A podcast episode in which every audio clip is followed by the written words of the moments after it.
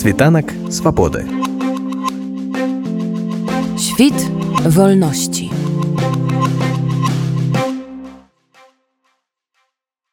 Падар Вячеслаў стала вядома аб нападзе на вас. Распавядзіце калі ласка што адбылося? Справа тым что я живу в прыгарадзе зараз варшавы. І калі я вяртался до хаты літаральна недалёка от е мне атаковали три маладых чалавека якія былі зброеныя газовымі баллончыкамі просто залили меня газом і отобрали телефон рэшце рэшт я на вялікі жаль не могу сказать хто гэта ж ну цікавіла их только телефон і все адразу я дашоў гаспадар звярнулся в паліцыю ну а сёння я уже аднаўлял нумар бо трэба было восстановить сувязь ці маеце вы ўжо нейкія думкі что гэта магло быць? Звычайны напад з мэтую абрабаваць вас ці нешта іншае? Не ведаю як вы самі разумееце яны не представляліся так? І по великкаму рахунку ну дастаткова цяжка адназначна сказаць хто гэта быў. Ну адзінае что такое место ко тихая і в принципе тут не прынята каб хулиганы ходили там спрабавалі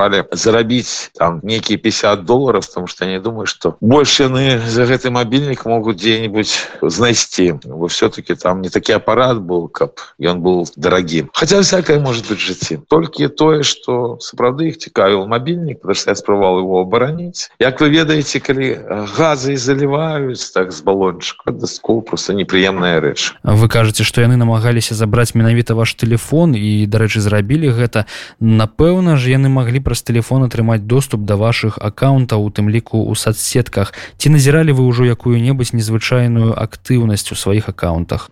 Пакуль не разам з гэтым прыйшла яшчэ одна дрэнная навіна. Лукашенко абвясціла пачатку перамяшчэння расійскай ядравай зброі ў Беларусь.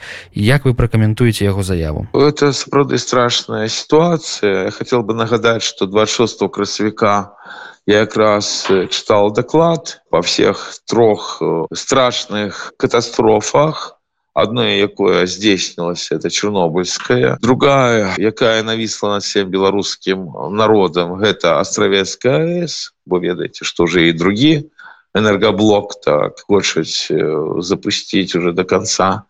И страшная третья погроза это российская ядерная тактычная зброя на тэрыторыі беларусі абсалютна жахлівы крок імперской москвы в кірунку третьей імперыялістычнай войны дзе Беларусь может быть мішэнью і одной из асноўных аператыўных зонаў гэтай войны.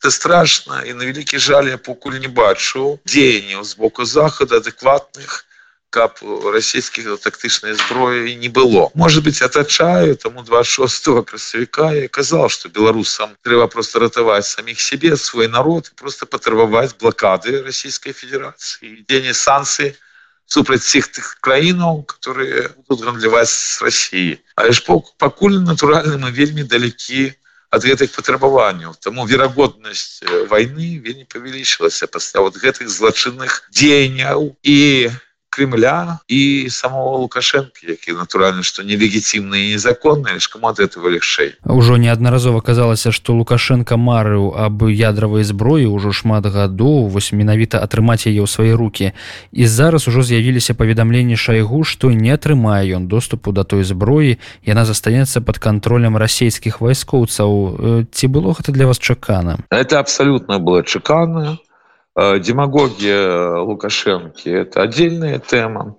Я просто хотел бы звернуть увагу на ты визиты какие были за апошний час в беларуси там был и той же путин был же шайгу так. Я думаю размова шла там не только об тым что была российская тактычная ядерная зброя боюсь что там размова шла про конкретные планы тому что магчыма что якраз сбіццё бабарыкем якраз звязана з гэтымі планамі тому что я звяртаю увагу что калі адбываліся яшчэ сустрэчы Пуціна і лукашенко в сочи то праз эхо москвы венедиктов давал інфармацыю что Путін ставит пытание о вызвалении бабарыки ніхто венедиктова не опровергал а тут раптам бабарыку збіваюць Магчыма лукашенко які вельмі помсцівы просто выкарыстал той момант калі он вельмі патрэбны москве і ён вельмі просто насамрэч это калі казаць про эту пачвару лукашэнкі для его любы чалавек які претендуют на его место асабісты вораг і магчыма что склалася так что ему уже все роўно все этой башни кремля кажуць так. І тому был дадзены загад по збіццю выборы это страшно для беларусі потому что еще раз подкрэслю я покуль не бачу ніякіх э, сур'ёзных крокаў сбоку захада по вот этой страшной просто ситуации якая складаецца с размещением ядерной зброі в беларуси. Натурально будапештский меморандум был растоптаны яшчэ в далёкім 96 годзе калі там яны стваралі незаконную так званую союзную державу бо хотел бы нагадать что будапештский меморандум тычился трех краінаў отдельно россия которая является краиной агрессором зараз великая британия излученные штаты америки давали гарантии беларуси. Отдельно давали гарантии украине и э, отдельно давали гарантии казахстану за тое что выводится оттуль ядерная зброя в российскую федерацию так на вялікі жаль гэты документ был растоптаны еще в беларусі в тым стагодзе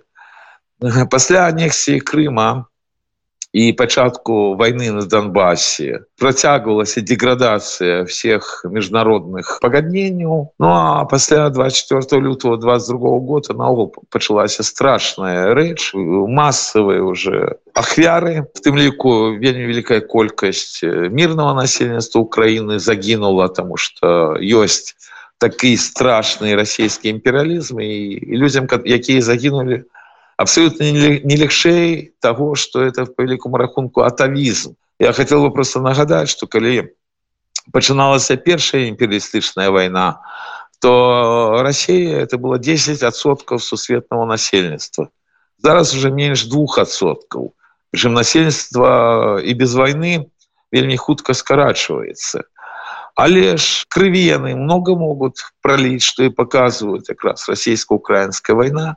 И на великий жаль э, покуль жорстких неких меров все-таки не прымаются потому что вы бачите кольки уже по часе иде война какие разбурения в украине а прымаются санкции пакетом.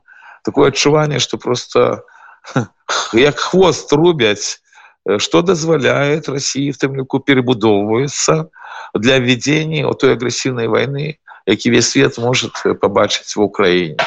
Тому насамрэч ситуация страшная и беларусам трэба разумець что война не принесе ничего доброго нашей краіне потому что мы маем досвід двух імперыялістычных воинов. Прычым апошнюю нават бояться называть імперыялістычнай хотя она абсолютно была імперыялістычнай і сталин кіраваў камуністычнай імперіі выніку перемоги над нацызмом еще захапіў даско вялікі кавалак і всходняй Европы і Китай. Тому беларусам трэба все-таки разлічваць на свои силы разумець что ёсць такая ідэалогія незалежніцтва і сапраўды Беларусь мыслі передусім бо наперадзе вельмі такія цяжкія может быть страшныя падзеі.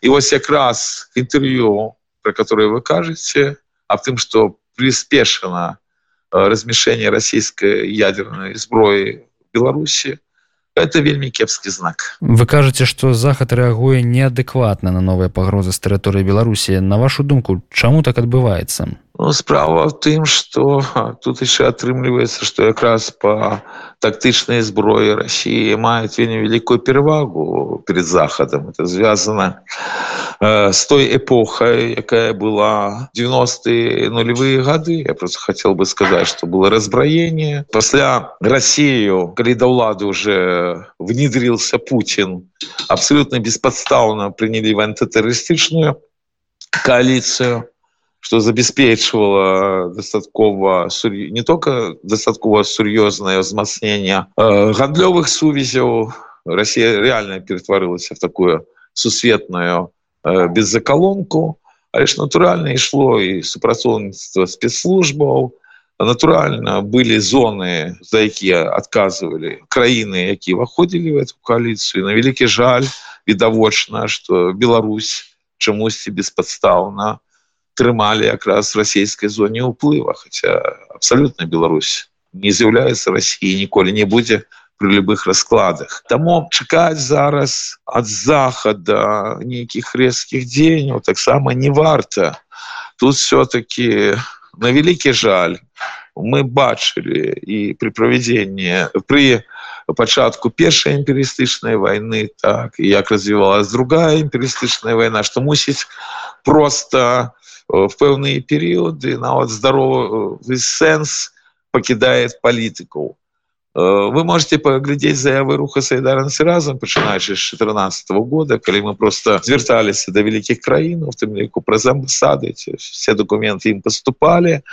Але працягваецца падрыхтоўка да вялікай войны это конечно найбольш страшно для беларусаў сёння іще не поздно спыніць расійскую федерацыю для этого трэба менавіта рашучыя захады. І мы бачым что гэтых рашучых захадаў няма. Размова ідзе просто о поставке зброі мужным украінскому войску які змагаецца практычна за всю еўрапейскую цывілізацыю. І таму вось якраз спокойно москва пашырает свои я не побоюсь этого слова идётские планы і штурхает весь наш регион да вельмі сур'ёзнай войны Світанак свабоды. Świt wolności.